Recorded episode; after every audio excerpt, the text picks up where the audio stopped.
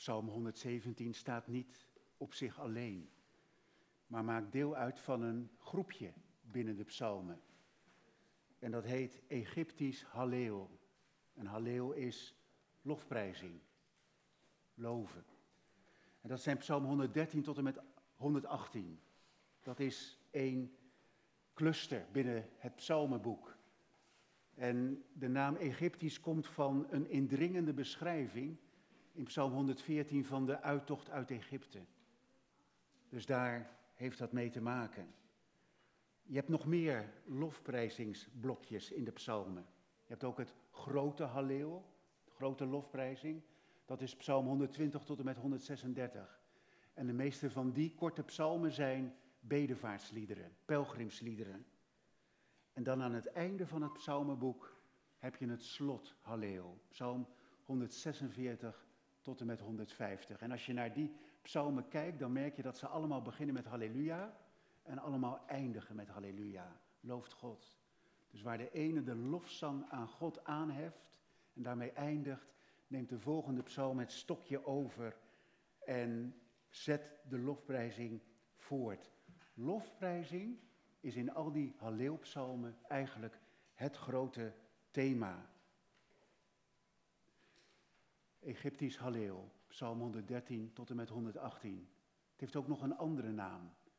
Pesach Halleel. Dit waren de psalmen die gezongen werden bij de paasmaaltijd van het Joodse volk. Als ze met elkaar de paasmaaltijd vierden, terugdachten aan de uittocht uit Egypte en alles op tafel herinnerden aan die uittocht, dan zongen ze eerst Psalm 113, 114 voor de maaltijd. En Psalm 115 tot en met 118 na de maaltijd. Het is bijzonder om te bedenken dat zoals Marcus zegt en Matthäus zegt, dat ook de Heer Jezus die avond in de bovenzaal in Jeruzalem met zijn discipelen de paasmaaltijd heeft gebruikt, daar ook het avondmaal heeft ingesteld en na de lofzang gezongen te hebben, staat er dan, vertrokken ze naar de Olijfberg.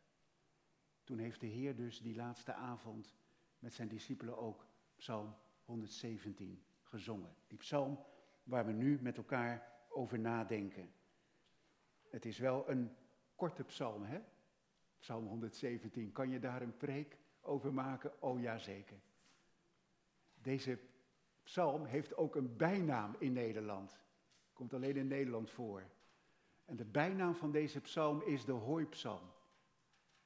Vroeger, als de boeren snel het hooi van het land moesten halen en natuurlijk altijd dreigde de regen, en dan kwam het natuurlijk niet droog van het land. En in gereformeerde gezinnen was het gebruikelijk om na de maaltijd een hoofdstuk uit de Heilige Schrift te lezen.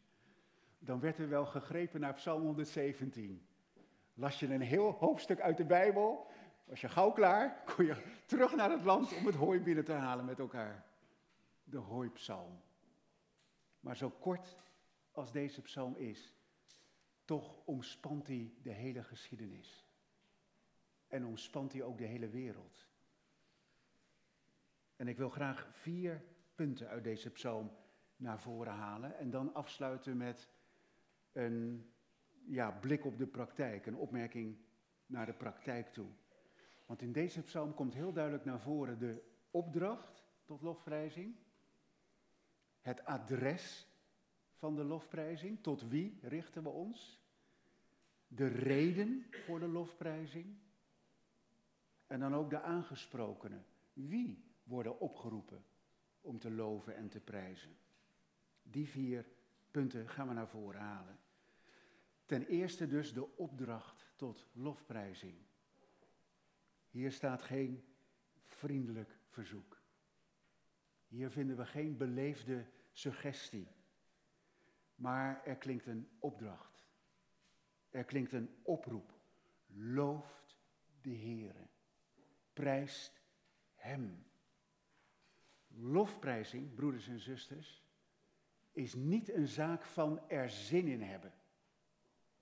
Ervoor in de stemming zijn. Het gaat om de vervulling van de opdracht om de naam van de Heere te prijzen. Zo zegt ook Psalm 122, vers 4 het. Een voorschrift voor Israël is het om de naam van de Heere te loven. Een voorschrift, opdracht.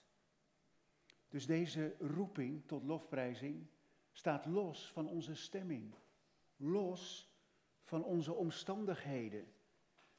Je doet het niet alleen maar als je je goed voelt of als het goed met je gaat. Je situatie is niet bepalend voor of je God wel of niet looft of niet. Het hangt niet af van je gevoel en de mate van je blijdschap. Het is een opdracht. Loof de Heer. Prijs zijn naam. Ten tweede, tot wie is de lofprijzing gericht? En ook dat is duidelijk. Looft de Heere. Prijst Hem. De ene en de enige. Deze unieke en onvergelijkelijke God. Dat is de oerbeleidenis in Israël. Deuteronomium 6, vers 4. Hoor Israël, de Heere onze God. De Heere is één. De ene en de enige. De onvergelijkelijke. En dat is iets wat de Heere God zelf regelmatig in de schrift herhaalt.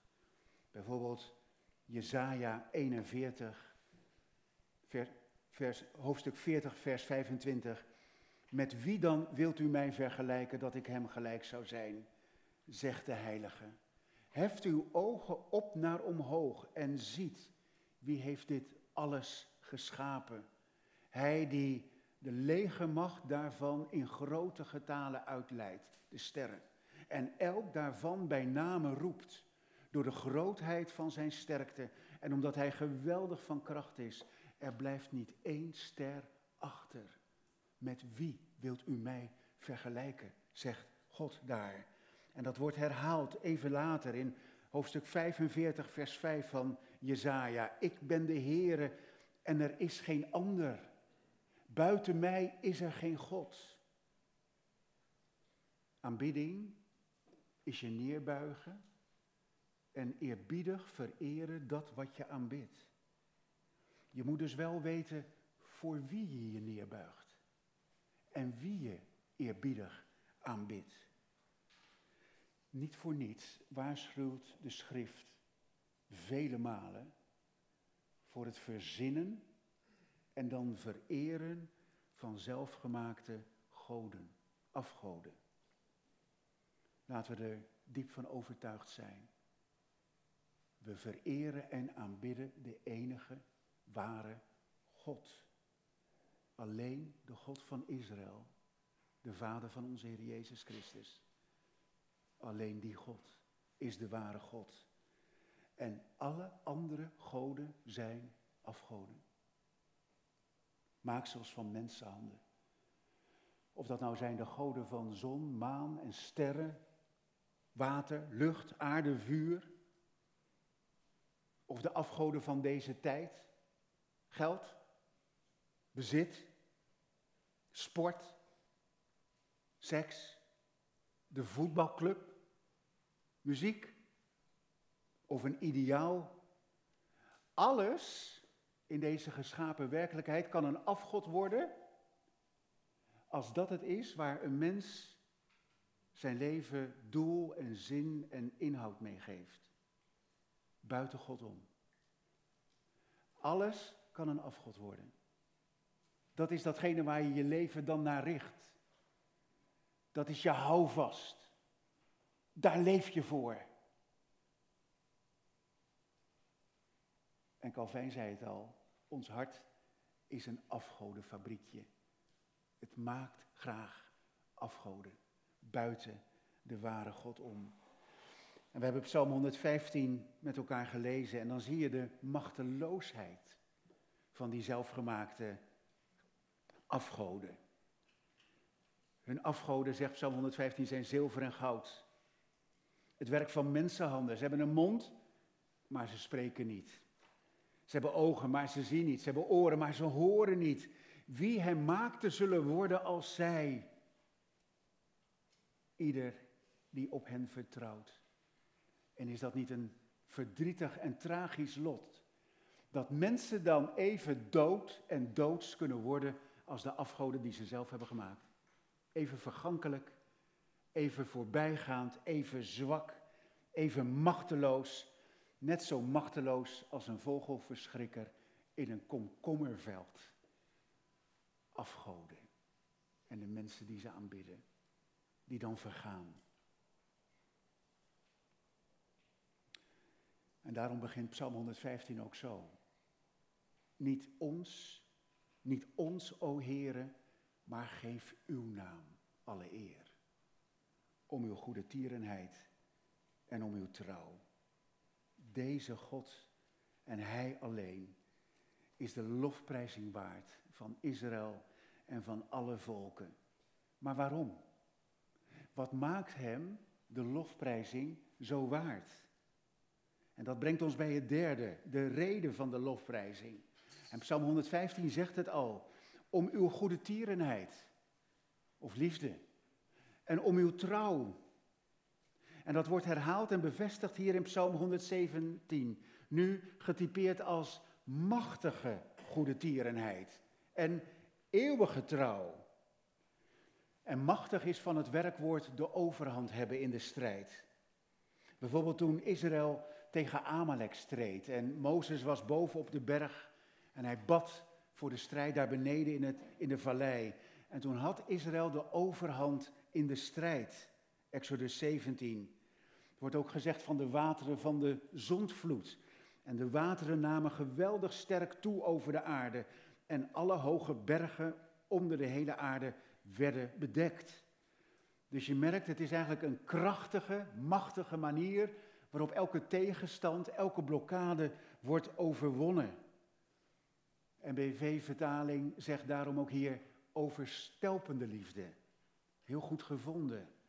Alles wat een blokkade is, alles wat tegenstand is, dat wordt overwonnen.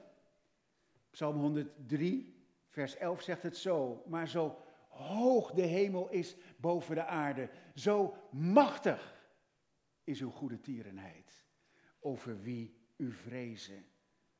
Dat is indrukwekkend. Alle tegenstand, alle blokkade overwinnend. Goede tierenheid. Dat is goedheid en liefde in één. En als Gods trouw voor eeuwig is, dan betekent dat elk van Gods beloften nog even fris is als op het moment dat het werd uitgesproken. Hier is geen inflatie. Deze beloften zijn waardenvast. Veranderen en slijten niet met de tijd. Er komt geen roest op. Even krachtig, levend en fris. Als toen ze Gods mond verlieten en opgeschreven werden in de schrift. Gods eeuwige trouw betekent dat zijn beloften staan voor altijd. Die twee woorden, hè, goede tierenheid en trouw, die vormen met elkaar een combinatie. En die vind je steeds terug door de hele Bijbel heen. Zeker in het Eerste Testament. En ze komen telkens terug in de omschrijving van wat kenmerkend is voor onze God. De eerste keer dat, die combinatie tegen, dat we die combinatie tegenkomen, klinkt het uit de mond van God zelf dan roept God tegenover Mozes zijn eigen naam uit. Hij vult dan zijn eigen naam in. Zegt wat de inhoud van zijn naam is en openbaart daarmee wie hij werkelijk in wezen is. En dan staat daar in Exodus 34, vers 6, de Heere ging aan Mozes voorbij en riep uit, Heere, Heere, God, barmhartig en genadig, geduldig, groot van goede tierenheid en trouw. Dat spreekt God over zichzelf uit. En dan moet je letten op het moment waarop het gezegd wordt. Want dit is vlak na het drama met het gouden kalf. Dus toen Israël helemaal van God afviel en een gouden kalf ging aanbidden, die had hen zogenaamd uit Egypte bevrijd. En dan handelt God daar in Exodus 34 zowel in genade als in oordeel met mensen. Maar zelfs als hij dat doet, dan roept hij zijn eigen naam uit. En hij zegt, dit is kenmerkend voor wie ik ben. Goedheid, geduld, waarheid, barmhartigheid, trouw, liefde. Zo is zijn naam. Zo zal hij zich altijd bewijzen. Deze naam zal hij altijd weer opnieuw waarmaken. Dat doet hij in de geschiedenis van Israël. Dat doet hij in de gemeente. Dat doet hij ook in jou en mijn kleine leventje. Hij zegt, ook in jouw leven bewijs ik dat ik vol ben van geduld, goede tierenheid en trouw. Je merkt het heel vaak in de psalmen dat het wordt gezegd. Psalm 86, vers 15. Maar u, heren, bent een barmhartig en genadig God. Geduldig en rijk aan goede tierenheid en trouw. Dat refrein wordt telkens herhaald. En wat in de psalmen staat, komt ook in de profeten voor. Bijvoorbeeld Jona 4, vers 2. En dat is wel vreemd, want het klinkt daar uit de mond van Jona als een prachtige beleidenis van wie God is. Maar hij spreekt het uit met boosheid en met grote frustratie. Want die grote heidestad Nineveh is tot bekering gekomen. En God spaart die stad het oordeel omdat ze tot bekering zijn gekomen. Het onheil wordt afgewend van hen. En dan zegt Jona, als hij dat doorkrijgt, dan zegt hij in hoofdstuk 4, vers 2, ach heren, heb ik het niet gezegd toen ik nog in mijn eigen land was? Ik wist wel dat u bent een God, genadig en barmhartig, geduldig, groot van goede tierenheid, berouwhebbend over het kwaad. Ik wist het. En ik heb de bekering van Nineveh willen voorkomen door de andere kant op te vluchten naar Tarsus, helemaal naar het westen. Balen, plannetje mislukt. Ik heb er geen zin meer in. Neem mijn leven maar. Ik hoef niet meer. Laat mij maar sterven. Zijn we er niet over eens dat dit eigenlijk een heel lelijk ding is? Zo'n prachtige beleidenis van God, maar uitgesproken met een boos en onbarmhartig hart. Je kent de schrift zo goed en je weet zo van Gods ontfermende, zoekende liefde en bewogenheid met deze wereld, maar zelf ben je alleen maar veroordelend, boos en bang. Zoveel kennis, maar je begrijpt God eigenlijk helemaal niet. En je moet eigenlijk helemaal opnieuw beginnen. Wie is de Heer? Wat is zijn naam? En wat betekent dat als ik leef met Hem? Maar deze God, de enige en de ene, de schepper, de ontfermende zoeker van verlorenen, de behouder door het werk van Jezus Christus, Vader in Jezus Christus, schenker van de Heilige Geest, die altijd en overal geprezen moet worden. En dat brengt ons bij het vierde punt, de aangesprokene. Tot wie komt de oproep van Psalm 117? Tot wie is deze opdracht tot lofprijzing nu gericht? En dan merk je hier dat het zich niet beperkt tot Israël alleen. Daar is het wel begonnen. En dat moet de kerk van Christus nooit vergeten. Israël is ons in de tijd voorgegaan in de lofprijzing van de enige God. Zij zijn de eerste godlovers en wij volgen. En eigenlijk is dat ook elke week nog steeds zo. Wij volgen in hun spoor. Want als wij op de opstandingsdag bijeenkomen om God te loven, dan hebben de Joden de Sabbat achter de rug. Wat een mooi dubbelkoor op aarde, hè? Zo. Als de ene groep de lofzang heeft aangeheven, dan valt de volgende groep in. Een dubbelkoor dat instemt met de engelen in de hemel en God looft en prijst. Dus je merkt, die opdracht tot lofprijzing, die is voor Israël, maar blijft niet staan bij Israël alleen. In Genesis 12 zendt God Abraham uit, geeft hem een opdracht, ga uit je land, ga uit je familie naar het land dat ik je wijzen zal. Met jou, Abraham, zullen alle geslachten op de aardbodem eens gezegend zijn. Eigenlijk in een notendop wat God van plan is met deze wereld.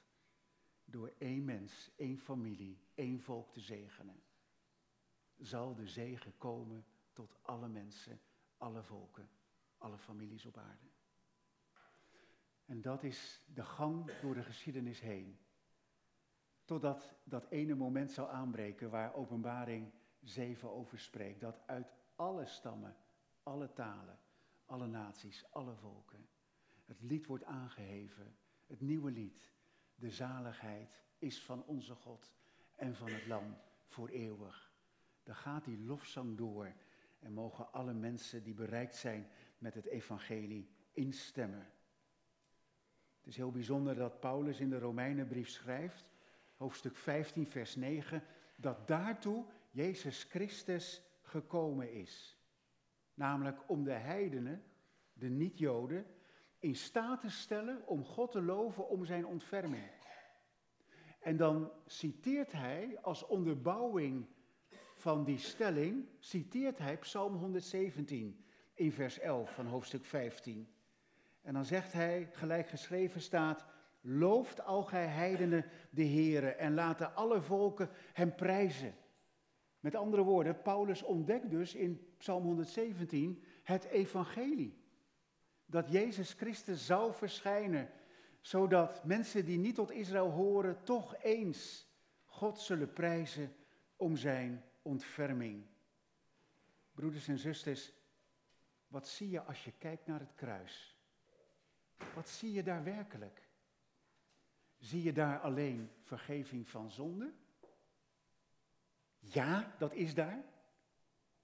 Maar zie je ook dat door kruis en opstanding jij en ik in staat zijn gesteld om voor de rest van ons leven Godlovers te zijn. Dat we altijd door God mogen loven om zijn ontferming die hij ons heeft bewezen in Jezus Christus. We worden tot Godlovers gemaakt en dat houdt in eeuwigheid niet op. Ik ga afsluiten en ik ga naar de praktijk toe. De lofzegging is dus de roeping voor Israël, maar is ook de roeping voor de gemeente van Jezus Christus. Lofprijzing richt ons altijd op God, de ware en levende God, schepper van hemel en aarde, redder, gever van alle genade en zegen in Jezus Christus. Naar de kerk gaan is dus nooit verspeelde tijd. Ook niet als de preek tegenviel. Want we gaan niet naar de kerk voor de preek, zelfs niet in eerste plaats voor de preek. We komen hier allereerst vanwege onze roeping tot lofprijzing. Dat is onze roeping. En lofzegging is soms het enige wat jou en mij onderscheidt van de alle andere mensen in deze wereld. Niet dat christenen beter zijn dan sommige andere mensen, want dat is helemaal niet zo. Niet dat de kerk het beter doet dan sommige andere groepen mensen, want dat is helemaal niet zo. Maar lofzegging onderscheidt jou en mij misschien wel van de rest. Paulus kan zeggen in Romeinen 1, En dan spreekt hij over het oordeel van God over deze wereld. Ze hebben God niet verheerlijkt of gedankt. Terwijl er zoveel goede gaven geschonken zijn door de schepper. Maar ze hebben God niet gedankt en niet verheerlijkt om zijn goede gaven. Dat alleen al is het oordeel waard. Om dankbaarheid. En dan betekent het helemaal niet dat je voor de rest een puinhoop van je leven hebt gemaakt. Helemaal niet. Kan allemaal prachtig in orde zijn. En je kan een hoogstaand mens zijn. Maar heb je God gedankt? Heb je Hem de eer gegeven? Voor alle goede gaven die je mag genieten. Die eerbiedige lofzegging en die uitgesproken dankbaarheid, dat is heel wezenlijk. En dat is essentieel voor Israël en de gemeente. Wij christenen kunnen ons dus nooit gedragen als verwende consumenten. Dat is eigenlijk wat onze cultuur ons inprent. Hè? Dat is wat koopzondagen met mensen doen. Koopzondagen vertellen de mensen, jij kan het krijgen zoals je het hebben wil. Als je maar betaalt. Loop door de winkelstraat en er wordt van alles aangeboden. En het kan altijd mooier, leuker, lekkerder, spannender, flitsender, snellender. Als je maar betaalt. Het draait om jou. Het draait om wat jij wil. Jouw wensen, jouw verlangens, die zijn absoluut. Als je maar betaalt. Maar wij mogen zeggen, moderne cultuur, zoek het maar uit met je consumentisme.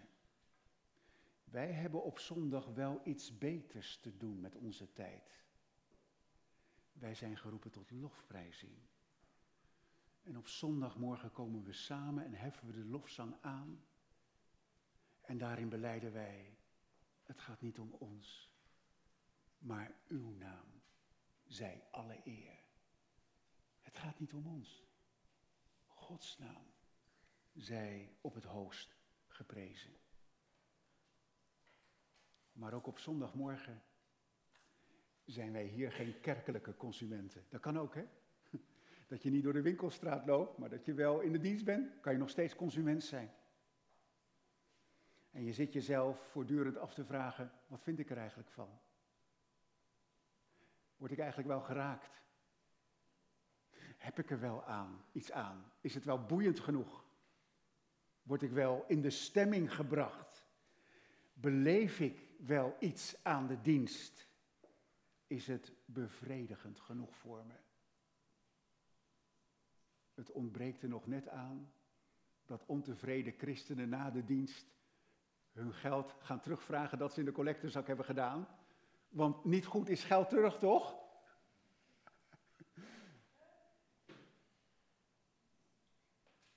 Maar de dienst van de lofprijzing maakt dat wij nooit consumenten kunnen zijn. Zelfs niet kerkelijke consumenten.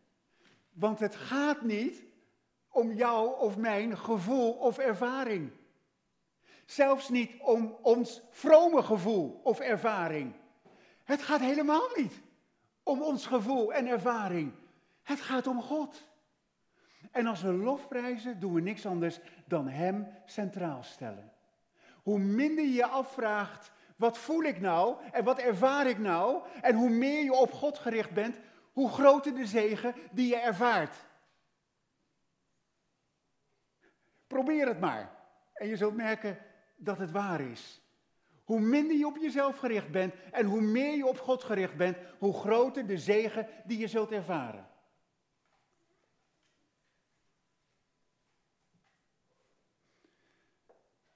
Natuurlijk gaat het niet om ons gevoel.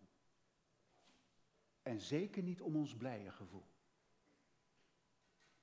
Want lofprijzing hangt niet af van blijdschap en niet van in de stemming te zijn.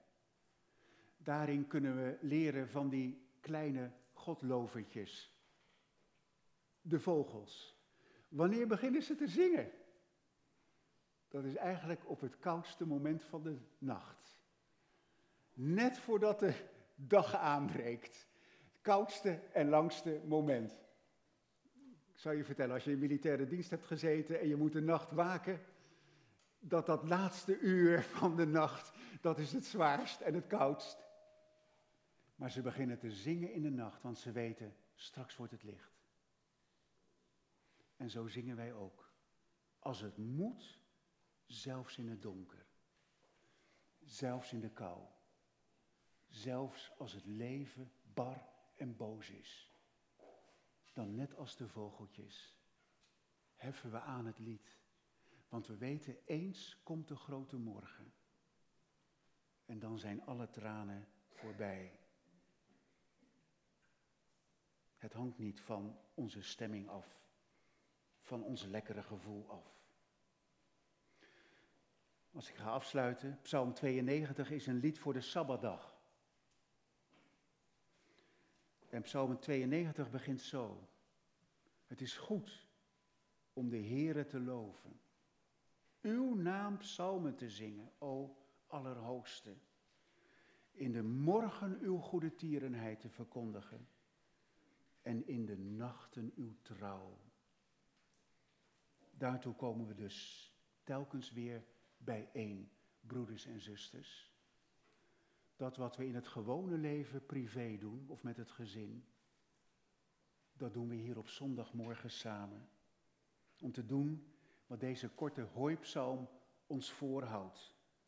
Loof de Heere, prijst Hem, alle volken, dus ook wij, vanwege Zijn machtige goede tierenheid of overstelpende liefde en om Zijn eeuwige trouw. Dat doen we door de tijd heen, doordat we eens mogen uitzien naar thuiskomen. En dan zien we van aangezicht tot aangezicht. Maar dan zullen we ook in het eeuwige licht voor altijd blijven loven, prijzen, eren en danken. Dat gaat een eeuwigheid door. Halleluja. Amen.